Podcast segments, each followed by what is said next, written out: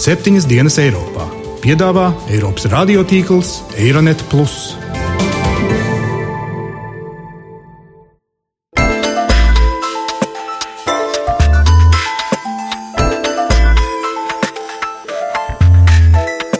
Šonadēļ septiņas dienas Eiropā dzirdēsim. Ar ģimeni mēs saprotam kaut ko daudz plašāku. On tente une réforme, je vois bien les conservatismes. Satversmē tieši tā ir noteikts. People are angry with Europe for not solving certain issues.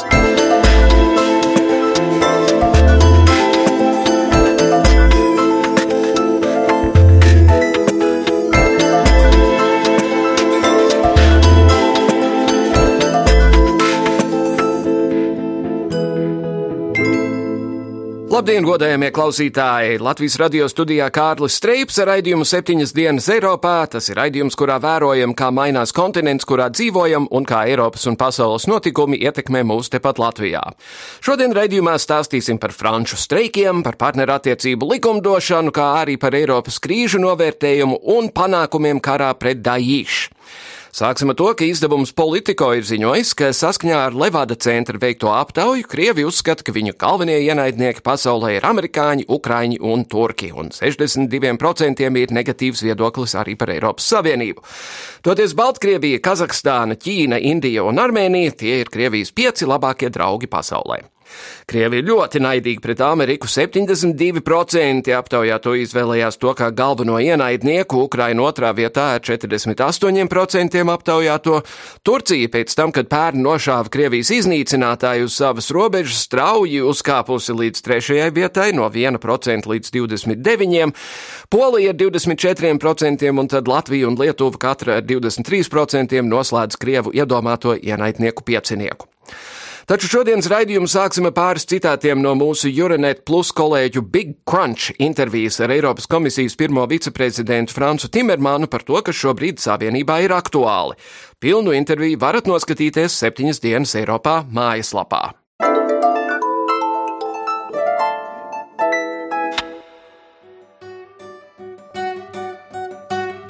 Igadējā Eironet Big Crunch intervijā šogad tika aplūkotas nesenās problēmas, tostarpā bēgļu un ekonomiskā krīze, solidaritātes trūkums, Brexit iespējamība, parādu krīze un sabiedrības neusticība Eiropas institūcijām.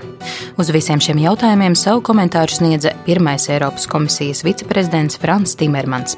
Apzinoties Savienības trūkumus, viņš iezīmēja komisijas attieksmi par gaidāmo Lielbritānijas izstāšanās referendumu, kā arī deva konkrētus ieteikumus visu dalību valstu politiķiem. Ar aicinājumu aicinājumu gan iedzīvotājiem, gan politiķiem neskatīties uz mūsu savienību caur mākoņiem, dalījās pirmais viceprezidents. Globalization is something that has hit the world very hard and Europe more uh, than other continents because Globalizācija smagi ietekmējusi visu pasauli it sevišķi Eiropu. Salīdzinot ar pārējo pasauli, mēs esam novecojošs kontinents. Mūs sagaida neskaitām izaicinājumu pārveidojot līdzinējo ekonomisko kārtību. Papildus tam, Eiropas Savienība saviem iedzīvotājiem nepārtraukti solījusi pārāk daudz un pretim devusi krietni par maz. Tas, protams, vairākiem licis vilties. Pavisam dīvaini ir tas, ka esam solījuši par daudz, snieguši par maz, un, lai par to kompensētu, esam devuši vēl grandiozāku solījumus. Manuprāt, ir vajadzīgs daudz pieticīgāks un praktiskāks skatījums uz Eiropas Savienību. Ir jātiek galā ar mazākajām problēmām, lai atrisinātu lielākās. Tomēr jāpārstāj dot milzīgus solījumus. Ir jābūt pieticīgiem. Savāds ir fakts, ka par spīti tam, ka cilvēki ir dusmīgi uz Eiropas Savienību par dažādām neatrisinātām problēmām, lielākā daļa eiropiešu saskata šī projekta nepieciešamību un nevēlas to pārtraukt a majority of Europeans still attach importance to the European project and they don't want to stop with it. And I think politicians should stop Es uzskatu, ka Eiropas politiķiem būtu jāpārtrauc darīt to pašu, ko viņi ir darījuši gadu desmitiem. Proti, viņu prāt, viss, kas tiek izdarīts pareizi, ir izdarīts tīri nacionālā līmenī. Un pie visa, kas noiet greizi, ir vainojama Eiropas Savienība. Ja iedzīvotājiem, kas šāds ilgstoši tiek klāstīts, tad nevar sagaidīt pozitīvu attieksmi pret Eiropas Savienību. Tādēļ, manuprāt, ļoti daudz kas ir atkarīgs no tā, vai dalību valstu politiķi ir godīgi par kopējiem sasniegumiem. Tā vietā, lai vainotu visu savienību par konkrētām kļūdām, vajadzētu apsveikt sevi pareizu kopīgu lēmumu pieņemšanā. Sarunas beigās izskanēja pēdējā laikā aktuālais jautājums par Polijas konstitucionālo un tiesiskuma krīzi. Šeit viceprezidents norādīja, ka Eiropas komisija negrasās iesaistīties dalību valstu iekšējos jautājumos. Tomēr pēc viņa vārdiem komisijas pienākums ir katrai dalību valstī atgādināt likumiskos rāmjus un rīcību sekas tos neievērojot. Manuprāt, starp komisiju un dalību valstīm ir atklāts dialogs šādos jautājumos. Es uzticos argumentu un dialogu nepieciešamībai. Nedomāju, ka ar draudiem vai sankcijām var jebko atrisināt. Šo konkrēto jautājumu vajag atrisināt ar dialogu, un, manuprāt, ir ļoti labas iespējas tā darīt. Man nav ne mazākās intereses uzklausīt visus skaļos paziņojumus, kas izskanējuši pēdējos mēnešos. Es pildu savus pienākumus, proti, skaidrojot, kāda ir likuma vara un kā tā attiecās uz Polijas konstitucionālās tiesas nostāju.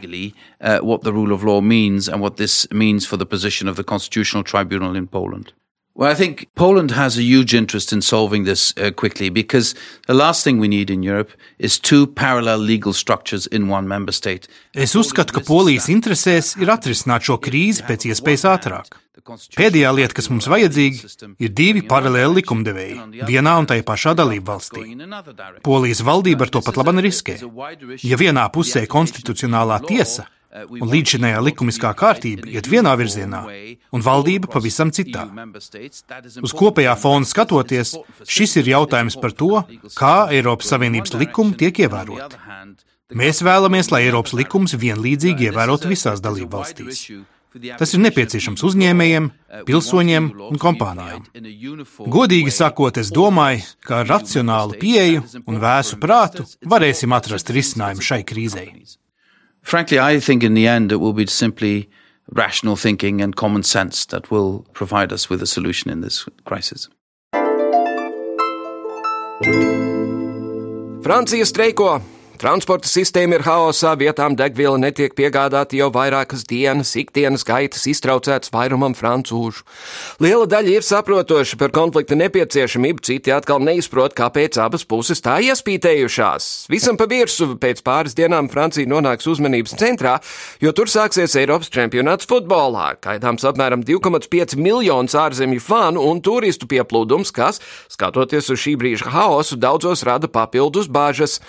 Par spīti visam prezidents Olāns nav gatavs piekāpties vairāku arotbiedrību prasībām atsaukt pretrunīgi vērtētās darba likumdošanas reformas, sakot, ka lielākais draudz Francijai un futbola čempionātam ir un paliek terorisms, nevis kaut kādi streiki.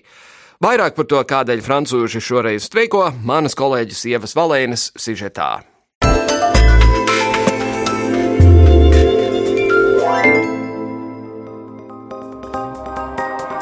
Starp lietām, ar kurām Francija izceļas, streiki noteikti ierindojas topa augšgalā. Pēdējos mēnešus Franči streiko pret izmaiņām darba likumdošanā, un pēdējās pāris nedēļās protesti pārņēmuši lielāko daļu Francijas. Izmaiņas, kuras izraisījušas streikus, paredz atvieglot kārtību, kādā pieņemt un atlaist darbiniekus, uzņēmumiem atvieglot iespēju samazināt atalgojumu, darba devējiem arī būtu lielāka iespēja vienoties ar darbiniekiem par darbu svētkos un īpašiem, piemēram, kāzu un maternitātes atvaļinājumiem. Reforma neplāno mainīt darba laika regulējumu, tā paliktu tāda pati kā šobrīd - 35 stundas nedēļā, bet tā tiktu noteikta kā vidējā likme ar iespēju darba devējiem vienoties ar arotbiedrībām par līdz pat 46 stundu darba nedēļu.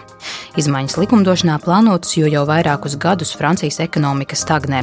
Valstī ir milzīgs parāds, pieauga bezdarbs, kas šobrīd vidēji valstī ir ap 10%, bet starp jauniešiem, imigrantiem un zemi kvalificētiem darbiniekiem sasniedz pat 25%. Par spīti tam pret reformām iebilst ne tikai arotbiedrībās, bet arī parlamentā. Latvijas radio raidījumā aktuālā intervija politologs Aldis Austers norādīja, ka neskatoties uz to, ka valdība uzsver, ka streikotāji pārstāv ļoti nelielu tautas daļu, aptaujas rāda, ka 62% Francijas iedzīvotāju ir streikotāju pusē. Te atzīmē, ka vispār šī streikošanas vēsture ir, ir ļoti ilga. Streikošanai jau ir tāds romantisks areāls izveidojies Francijā. Un, jā, un cilvēki tur solidarizējās. Tiešām, ja to uztver kā kopīgu lietu, ja kāda no arotbiedrībām organizē šo streikus, un kā redzat, veidojas šī ķēdes reakcija ka iesaistoties vien ar vien jaunām, jauniem streikotājiem, tas riskē jau kļūt par visas valsts mēroga protestu akciju. Līdz šim streikā piedalījušies darbinieki no ļoti dažādām jomām - naftas apstrādes rūpnīcu, atomelektrostaciju un dzelzceļa darbinieki, skolotāji, policisti un citi valsts sektorā strādājošie. Dzelzceļa darbinieku protestu apstādināja 40% dzelzceļa satiksmes, un daļa pasažieru palika stacijās mirkstam asarās, jo viņu vilcieni nekursēja. Arotbiedrību protesti arī traucē naftas pārstrādes rūpnīcu darbu un īsteno arī pašu degvielas krātuvi blokādes. Un pagājušās nedēļās Franči steidza iepirkt degvielas rezerves, tomēr ne visiem tas izdevās.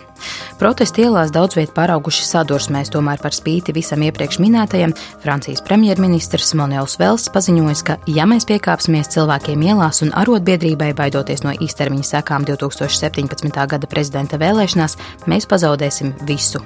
Il est hors de question de changer le cap. Il peut toujours y avoir des euh, modifications. Des... Nav iespējams mainīt kursu. Iespējams, ka būs vēl kādas izmaiņas likumā, kādi uzlabojumi, bet likums netiks atsaukts. Visi teica, mums ir jāmaina Francija, mums ir jārunā īpaši ar uzņēmējiem, Tagad, mēģinot ieviest reformas, es redzu konservatīvismu visās pusēs, labējos, kreisos, bet mans uzdevums ir virzīties uz priekšu. Par streikiem nav sajūsmā mazo un vidējo uzņēmumu īpašnieki, kuri sastāda lielāko daļu darba devēju. Daudzi viņu darbinieki dēļ transporta nozarē strādājošo streiku un izsīkušajām degvielas rezervēm uz darbu ierodas vēlu vai neierodas nemaz. Uzņēmumu pārstāvji TV kanālam France 24 norādījuši, ka protesti nelabvēlīgi ietekmē viņu ienākumus un līdz ar to arī viņu darbinieku sociālo drošību. Tuvojas arī Eiropas čempionāts futbolā, kas no 10. jūnija līdz 10. jūlijam norisināsies nekur citur kā Francijā. Šo sakritību, protams, izmanto arotbiedrības, jo tuvojoties futbola svētkiem protesti pieņems spēkā. Čempionāta rīkotāji norādījuši, ka izstrādā dažādus plānus gadījumiem, ja protesti turpināsies arī čempionāta laikā to uzņemošajās pilsētās. Tomēr pagaidām atteikušies komentēt tieši kādi ir šie plāni. Francijas prezidents François Hollande gan bažas par to, ka čempionātu varētu ietekmēt streiki, noraida, sakot, ka šobrīd ar vien galvenā problēma ir terorisma draudi. Terorisms jau ir ietekmējis Francijas un arī visu pārējo Eiropas valstu turismu nozaru, un Francijai lieti noderētu 1,3 miljārdu eiro, ko Francijas valdība cer, ka futbola fani atstās plūdu un streiku māktajā zemē. Tajā pašā laikā Francijas Nacionālās līdzsabiedrības Air France piloti pieteikuši streiku 11. līdz 14. jūnijā, tātad čempionāta laikā. Tiesa, šis streiks nebūs saistīts ar plānotajām reformām, bet gan ielgušu kašķi par darba samaksu. Diez vai gan tas interesēs tos divus miljonus futbola fanu, kuri gatavojas ierasties Francijā tuvākā mēneša laikā.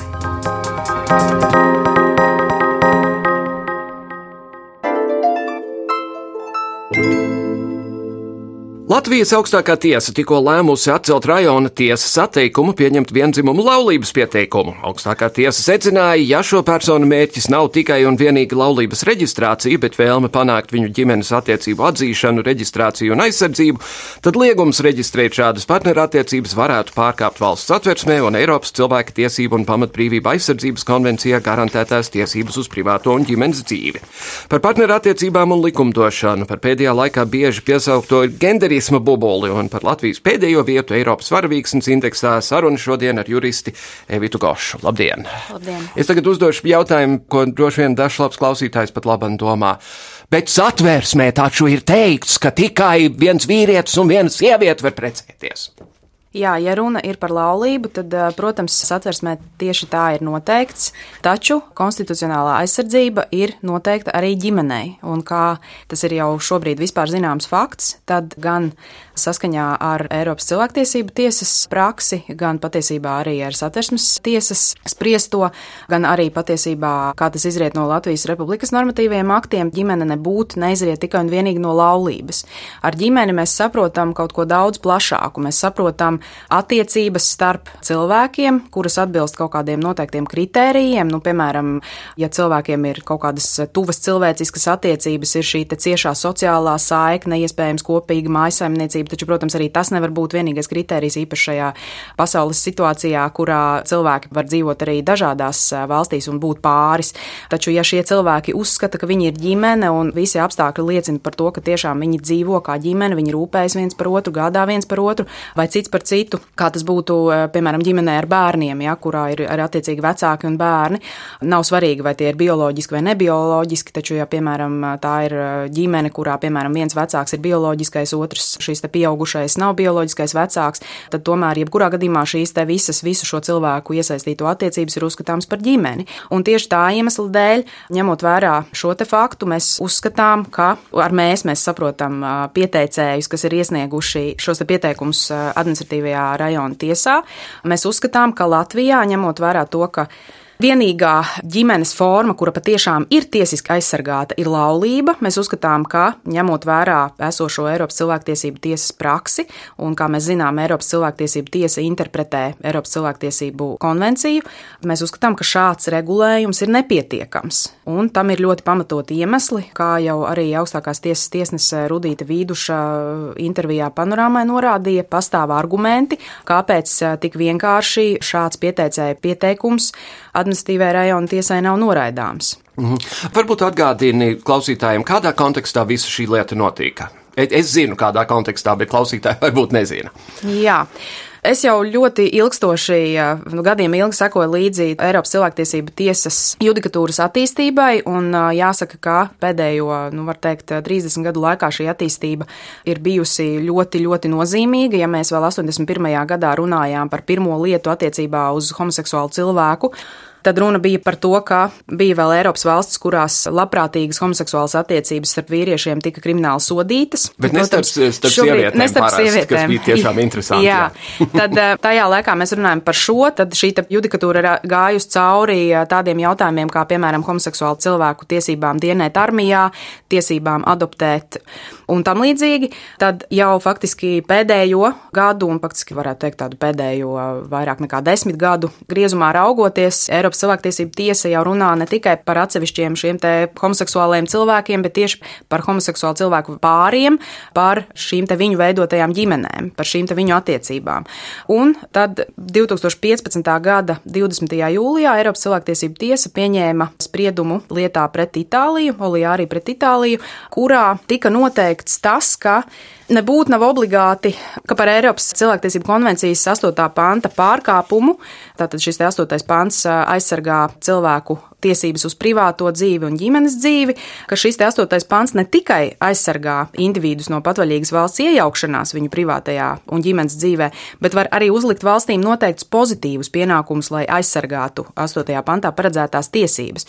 Un, respektīvi, šajā spriedumā cilvēktiesība tiesa lēma, ka fakts, ka Itālijā vienzimuma pāriem un viņu veidotajām ģimenēm nav nekādas tiesiskās aizsardzības, ka tas ir uzskatāms par šīs cilvēktiesību konvencijas 8. panta pārkāpumu. Mm -hmm. Bet te ir jāpiebilst, ka konteksts tam bija tomēr tas, ka heteroseksuāliem cilvēkiem šī aizsardzība bija arī ārpus laulības kontekstā partnerattiecības varēja reģistrēt. Nē, tieši Itālijā tas tā nebija. Šeit varbūt ir jāpiebilst, ja mēs runājam par iepriekšējo Eiropas cilvēktiesību tiesas praksi, tad jā, no tās izriet fakts, ka ja kādas tiesības tiesības ir piešķirtas pretēji dzimumu pāriem, kuri nav laulībā, tad šādas tiesības nedrīkstētu nepiešķirt arī vienzimumu mhm. pāriem. Mhm. Tāpat, piemēram, līdzīgi kā ja valsts ir izvēlējusies ieviest kādu alternatīvu institūtu laulībai, kā piemēram tās ir visbiežāk reģistrētās partnerattiecības, tad šāds te institūts to nedrīkst neatiecināt arī uz vienzimumu pāriem. Uh mhm. -huh. Un tas nav nekāds noslēpums, ka Latvijā tieši šī iemesla dēļ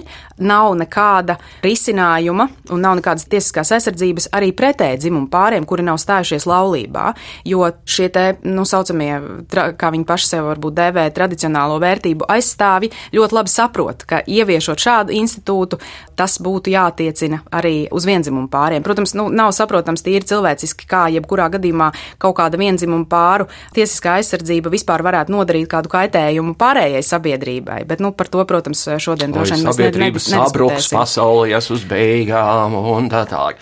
Bet, bet tomēr par prasībām konkrēti Latvijā, vai tas ir ar mērķi iziet cauri Latvijas tiesu sistēmai un tad piedāvāt šo jautājumu Eiropas tiesā, lai tiesa spriež kaut ko par Latviju konkrēti? Tieši tā. Šeit ir runa par strateģisko tiesvedību. Strateģiskā tiesvedība nozīmē to, ka viens vai vairāki cilvēki, teksim, risinot savas problēmas, ar kurām tie saskaras, risina arī kādas konkrētas sabiedrības daļas problēmas. Un šeit mēs runājam par pieciem pāriem, kuri ir vērsušies Latvijas Republikas administratīvajā tiesā, un tādējādi vēloties atrisināt ne tikai savus jautājumus, ne tikai tās problēmas, ar kurām tieši šiem konkrētajiem pāriem ir jāsaskarās, bet, protams, lai tādējādi mēģinātu atrisināt arī visu pārējo vienzimumu pāru un viņu veidoto ģimeņu problēmas.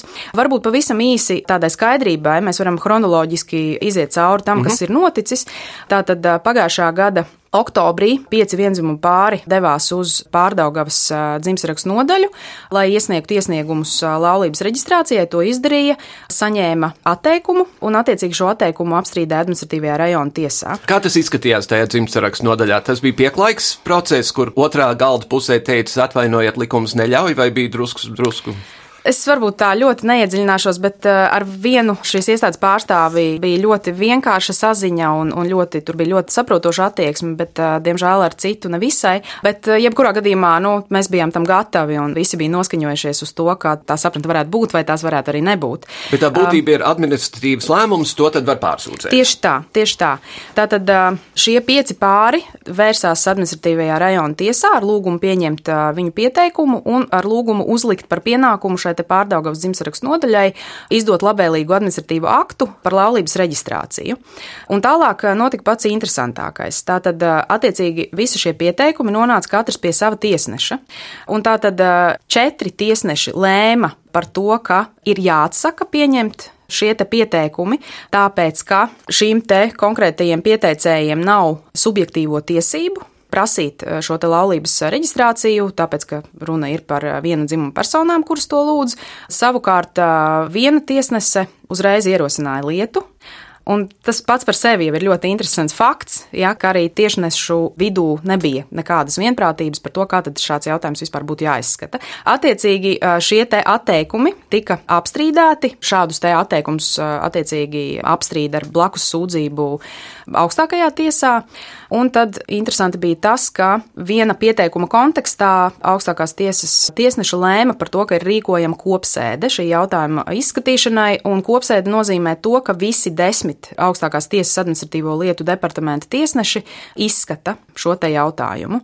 Un, attiecīgi, šāda sēde notika šī gada aprīlī. Mēs tad arī mutvārdos izskaidrojām, ko tad mēs īsti vēlamies panākt, un gal galā runa jau nav par to, ka šie te konkrētie pieteicēji vēl vēlētos noslēgt tieši laulību, bet uh, problēma Latvijā ir tieši tā, ka nav absolūti nekādas tiesiskās aizsardzības vienzimuma pāru veidotām ģimenēm. Un tas ir īpaši bēdīgi atsaucas uz uh, šo pāru audzinātiem bērniem, šajās ģimenēs augošajiem bērniem, ka patiesībā tieši šie bērni kļūst par tādiem kā otrās šķiras pilsoņiem, jo viņiem nav tiesību izveidot tiesisko saikni ar savu nebioloģisko vecāku.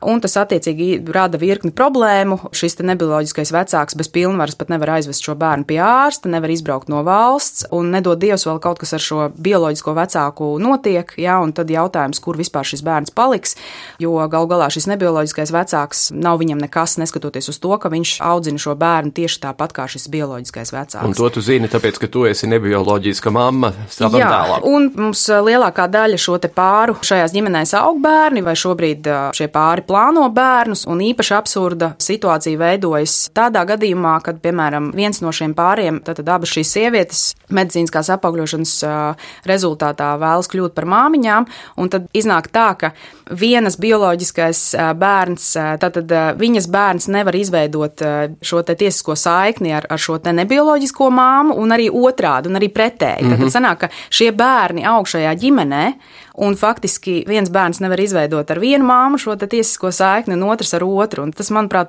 ļoti, ļoti tā spilgti ilustrē šo te absurdo situāciju. Mm. Augstākajā tiesā, kāda bija, protams, nevar zināt, kas tiesnešiem ir galvā, bet vai rodas iespējas, ka Latvijas tieslietu sistēma uz šo jautājumu skatās un domā, nu, mēs saprotam, mēs dzīvojam 21. gadsimtā, ir Eiropas tiesa, bet mēs īsti negribam ķēpāties vai kaut kas vairāk?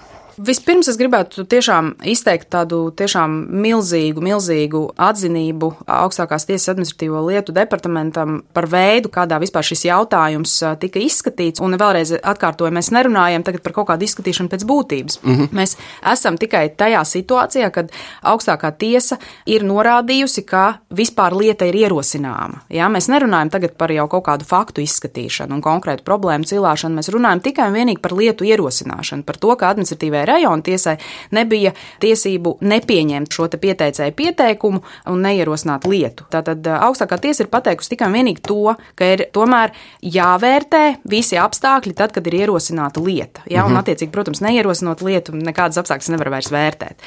Un es gribētu tiešām teikt to, ka tā bija ārkārtīgi tāda pozitīva pieredze, ka šie tiesneši patiešām, patiešām ir ārkārtīgi kompetenti, ārkārtīgi informēti tieši attiecībā uz Eiropas cilvēktiesību tiesas praksi pilnībā par visiem jaunākajiem, aktuālākajiem spriedumiem ar tādu tiešām ļoti dziļu izpratni un ieinteresētību. Respektīvi, nevis ar tādu uh, formālu attieksmi, ja, ka mums ir 110. pāns, laulība nav iespējama un, un, un tāpēc viss un punkts un āmen. Mm -hmm. Tātad uh, šajā te augstākās tiesas lēmumā ļoti skaidri ir pateikts tas, ko patiesībā arī pieteicējs pauda savos uh, pieteikumos un arī tiesas sēdē, ka nav svarīgi, kā sauc šo tiesisko aizsardzību. Vai tā ir laulība, vai tas ir partnerattiecības, vai, vai vienalga, kā to dēvētu. Galvenais, ka šīs ģimenes kaut kādā veidā tiek aizsargātas mm -hmm. un patiešām būtiski aizsargātas. Nevis kaut kā formāli, kad, piemēram, šiem pāriem ir tiesības kaut kur kaut ko reģistrēt, bet no tā neizriet nekāda patiešām reāla aizsardzība. Tas vairāk ir vienkārši, nezinu, kaut kāda dokumenta formā, ja, teiksim, līdzīgi kā kaut kāds diploms, ja, kurš, kurš vienkārši kaut ko fiksē. Tas bet jau vienmēr mums tas, ir ka... teikt, jūs varat aiziet pie notāra un visas lietas nokārtotas. Bet arī tas nav iespējams. Nu, jā, arī tas nav iespējams. Un, ja tas ir daļēji iespējams, tad jautājums ir, cik tas maksā gan naudā, gan laika ziņā. Mhm. Un tad, tad augstākā tiesa ļoti skaidri arī attiecīgi rēģēja uz šo te mūsu pieteikumiem un paskaidrojumiem un noteica, ka pieteikuma priekšmets ir jāinterpretē ne tikai šauri kā prasījums par laulības reģistrāciju, bet arī plašāk par administratīvā akta izdošanu, par vienzimuma ģimenes attiecību juridisku reģistrēšanu. Mhm un atsaucās arī uz uh, šo te Olijārī pret Itāliju lietu un norādīja to, ka iespēja juridiski nostiprināt savas attiecības veido būtisku individa identitātes un ģimenes dzīves elementu, un tādēļ juridiskā ietvera formulēšana ļautu ģimenēm, kuras veido vienzimumu pāri, juridiski nostiprināt un aizsargāt savas attiecības. Visu šo te ņemot vērā, ir noskaidrojams, vai liegums reģistrēt pieteicēju partnerattiecības nepārkāpj satversmē un cilvēktiesību konvencijā garantētās tiesības uz privāto un ģimenes dzīvi. Un tādēļ pieteikuma pieņemšanas stadijā nav iespējams konstatēt, vai konkrētajā gadījumā nav aizskartas līdzpieteicēja tiesības un tiesiskās intereses, un līdz ar to arī atzīt, ka pieteicējām nav subjektīvo tiesību iesniegt pieteikumu. Mm -hmm. Un tikai skatot lietu pēc būtības un vērtējot faktiskos un tiesiskos apstākļus, tostarp apsverot iespēju iespēja vērsties satversmes tiesā. Tiesa var konstatēt tiesību aizskārumu, esību vai nesību.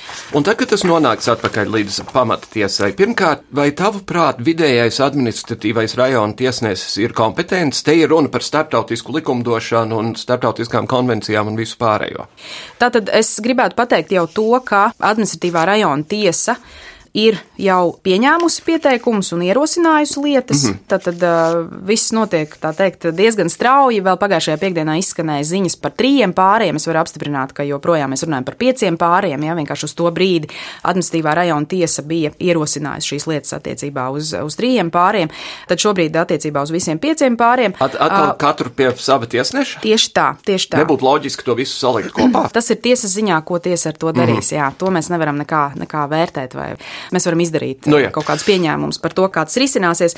Šeit mūsu doma, un tur nav ko slēpt, mūsu doma tieši tāpat kā jau tas arī attiecīgi ir atspoguļots eh, augstākās tiesas lēmumā, ir tāda, ka administratīvajai rajonu tiesai ir iespēja vērsties satversmes tiesā, lai lūgtu satversmes tiesas eh, viedokli par šiem te jautājumiem. Un es varu arī godīgi teikt, ka tas fakts, ka pieteicējs vērsās tieši administratīvajā rajonu tiesā, bija ar ļoti skaidru mērķi mērķi, kā mēs jau sākotnēji cerējām uz to, ka administratīvā rajona tiesa vai jebkurā citā stadijā vispār administratīvā tiesa vērsīsies atversmes tiesā.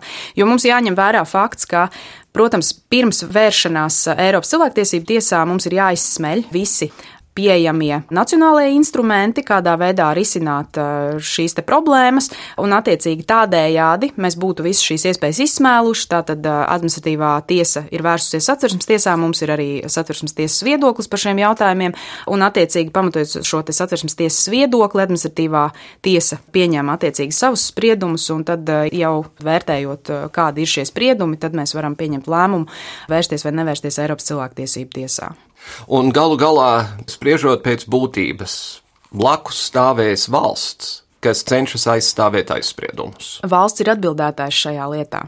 Mm -hmm. Un pieaicinātā iestāde, attiecīgi, ir šī pārdaugos dzimšanas nodaļa, jo administratīvajā procesā atbildētājs ir valsts. Mm -hmm. Faktiski nu, iznāk tā, jā, ka mēs simboliski tiesājamies ar valsti. Jā, bet vai dzimšanas nodaļa, vai tas arī nozīmē tieslietu ministrija un, un viss valsts, tā teikt, juridiskais aparāts? Tātad, kā es teicu, administratīvajā procesā atbildētājs ir valsts. Un, attiecīgi, kā pieaicināmā iestāde, kas attiecīgi pārstāv šo atbildētāju valsti, tā ir konkrētā dzimšanas nodaļa. Mm -hmm.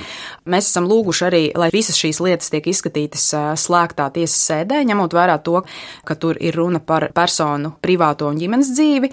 Nu, mēs tā kā neesam ieinteresēti tajā, lai žurnālisti ar, ar, ar kamerām piedalītos šajās tiesas sēdēs. Patiesībā arī nu, Tieslietu ministrijai īsti arī ar to nav nekādas darīšanas tieši attiecībā uz šo konkrēto lietu saturu. Tas gan nav apturējis patreizējo Tieslietu ministru paust viedokli par visu, ko pēc kārtas. Jā, nu tā mums jau katram ir tiesības paust viedokli par visu, ko pēc kārtas, bet tieši kas attiecas uz šiem konkrētiem tiesu procesiem, tad, protams, tiesneši ir neatkarīgi un viņi pieņem mm -hmm. savus lēmumus un spriedumus ņemot ņemot vērā šo savu statusu. Un kad būs tiesa?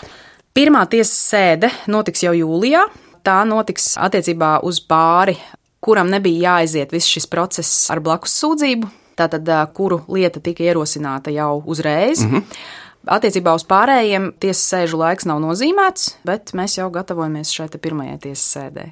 Nu, būdams pilnīgi neitrāls žurnālists, vienīgais, ko es par to teikšu, ir lai veicas. Paldies! Paldies, Evita Goša! Spāņu filozofs un dzinieks Džordžs Santajāna reiz rakstīja: Karš beidzas tikai mirušajiem. Mēs septiņas dienas Eiropā vēl neesam gatavi mirt. Pagājušajā nedēļā Irākas valdība uzsāka ofensīvu, lai atgūtu valsts kontrolē Falūdžu, kur pēdējos divus gadus saimniekojuši daīši teroristi. Falūdža ir strateģiski svarīgs objekts, jo atrodas vien 60 km no Irākas galvaspilsētas Bagdādes. Pirms pilsētu ieņēma daīši, tajā dzīvoja ap 300 tūkstošiem cilvēku, bet šobrīd tiek lēsts, ka palikuši varētu būt ap 50 tūkstošiem, un šī civiliedzīvotāja klātesamība rada papildus sarežģījumus kaujās. Turpina žurnālists Andris Andris Sedlanieks. Visu laiku, kopš viņa atrodas Zeiša kontrolē, šī pilsēta ir ļoti labi nocietināta. Tādā ziņā, ka šie kaujinieki, viņi varbūt nav pārāk daudz, bet viņi ir izveidojuši savas pazemes komunikācijas vai vienkārši ierakušies zemē un pilsētā, kurā piedevām vēl atrodas liels skaits civiliedzīvotāji. Teiksim, ir ļoti ierobežotas iespējas izmantot sabiedrotu aviāciju un tā, Un šis te jautājums par atgūšanu, tas ir jautājums par cenu, kuru ir gatava samaksāt, teiksim, Irākas valdība, jā, kuras pusē piebildīsim karo, tur ir, tur ir ļoti raips kontingents, jā, tur ir uh, Irāņu konsultanti, kaut kādā nesaprotamā veidā sadarbojoties ar uh, ASV bruņotajiem spēkiem, ASV vadīto koalīciju, dažādi vietējie grupējumi un uh, kas savā starpā jāpiebilst visai slikti koordinē darbības un kas ir vēl viens, nu, teiksim, mīnus šajā gadījumā. Tās intereses ir pārāk dažādas un pretrunīgas. Tur nemitīgi notiek pretuzbrukumi, un šim daiši, jā, teiksim tā, viņi visu laiku atrodas permanentā karā. Viņi karo šķiet šobrīd kādās piecās vai sešās frontēs, Irākā un Sīrijā tikai, jā. Viņi karo Mosulā arī, jā, nu, ja neskaits Faludžu kur notiek intensīvas kaujas darbības, notiek kaujas darbības par aku eh, šie daišu kaujinieki cenšas kaut ko mēģināt atgūt no Sīrijas armijas Palmirā, notiek kardarbība ar uh, brīvās Sīrijas armiju pie Turcijas robežas, ir par uh, tādu pilsētu kā Deirezora, kas atrodas Daišu ielenkumā. Un tā kā viņiem šī te konstantā, permanentā karadarbība nav nekas, tad, teiksim, tā neparasts, un viņi šādā veidā ir spējīgi, viņi jau ir pierādījuši, ka viņi to var darīt ļoti ilgi, to starp gadiem, bet kas attiecās tieši uz spēju ierobežot šo te viņu iespējas, tieši konkrēti daļas iespējas izrādīt pretestību, tas galvenais jautājums, manuprāt, to nav iespējams izdarīt ātri un operatīvi. Tas galvenais jautājums ir par to, kā atgriezt viņus no finansējuma, no ieroču piegādēm, jā, no šiem te kaujiņiem, no brīvprātīgajiem, kas regulāri joprojām, neraugoties uz visām dēļu neveiksmēm, nosacītajām, protams, turpina papildināt viņu rindas, un to ir ļoti grūti izdarīt, kamēr nav šīs vienprātības. Paldies, dāmas un kungi, ka šodien klausījāties. Raidījums septiņas dienas Eiropā. Šodien runājām gan par dzīvi, gan arī zināmā mērā par nāvi. Labāk tomēr ir dzīvot. Līdz nākamajai nedēļai. Visu labu!